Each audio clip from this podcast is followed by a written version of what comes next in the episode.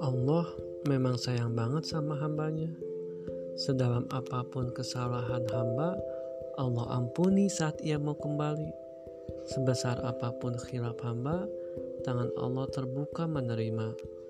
Tapi kasih sayang Allah sering salah diartikan. Mentang-mentang Allah sayang, kita seenaknya berbuat dosa tanpa memohon maaf padanya.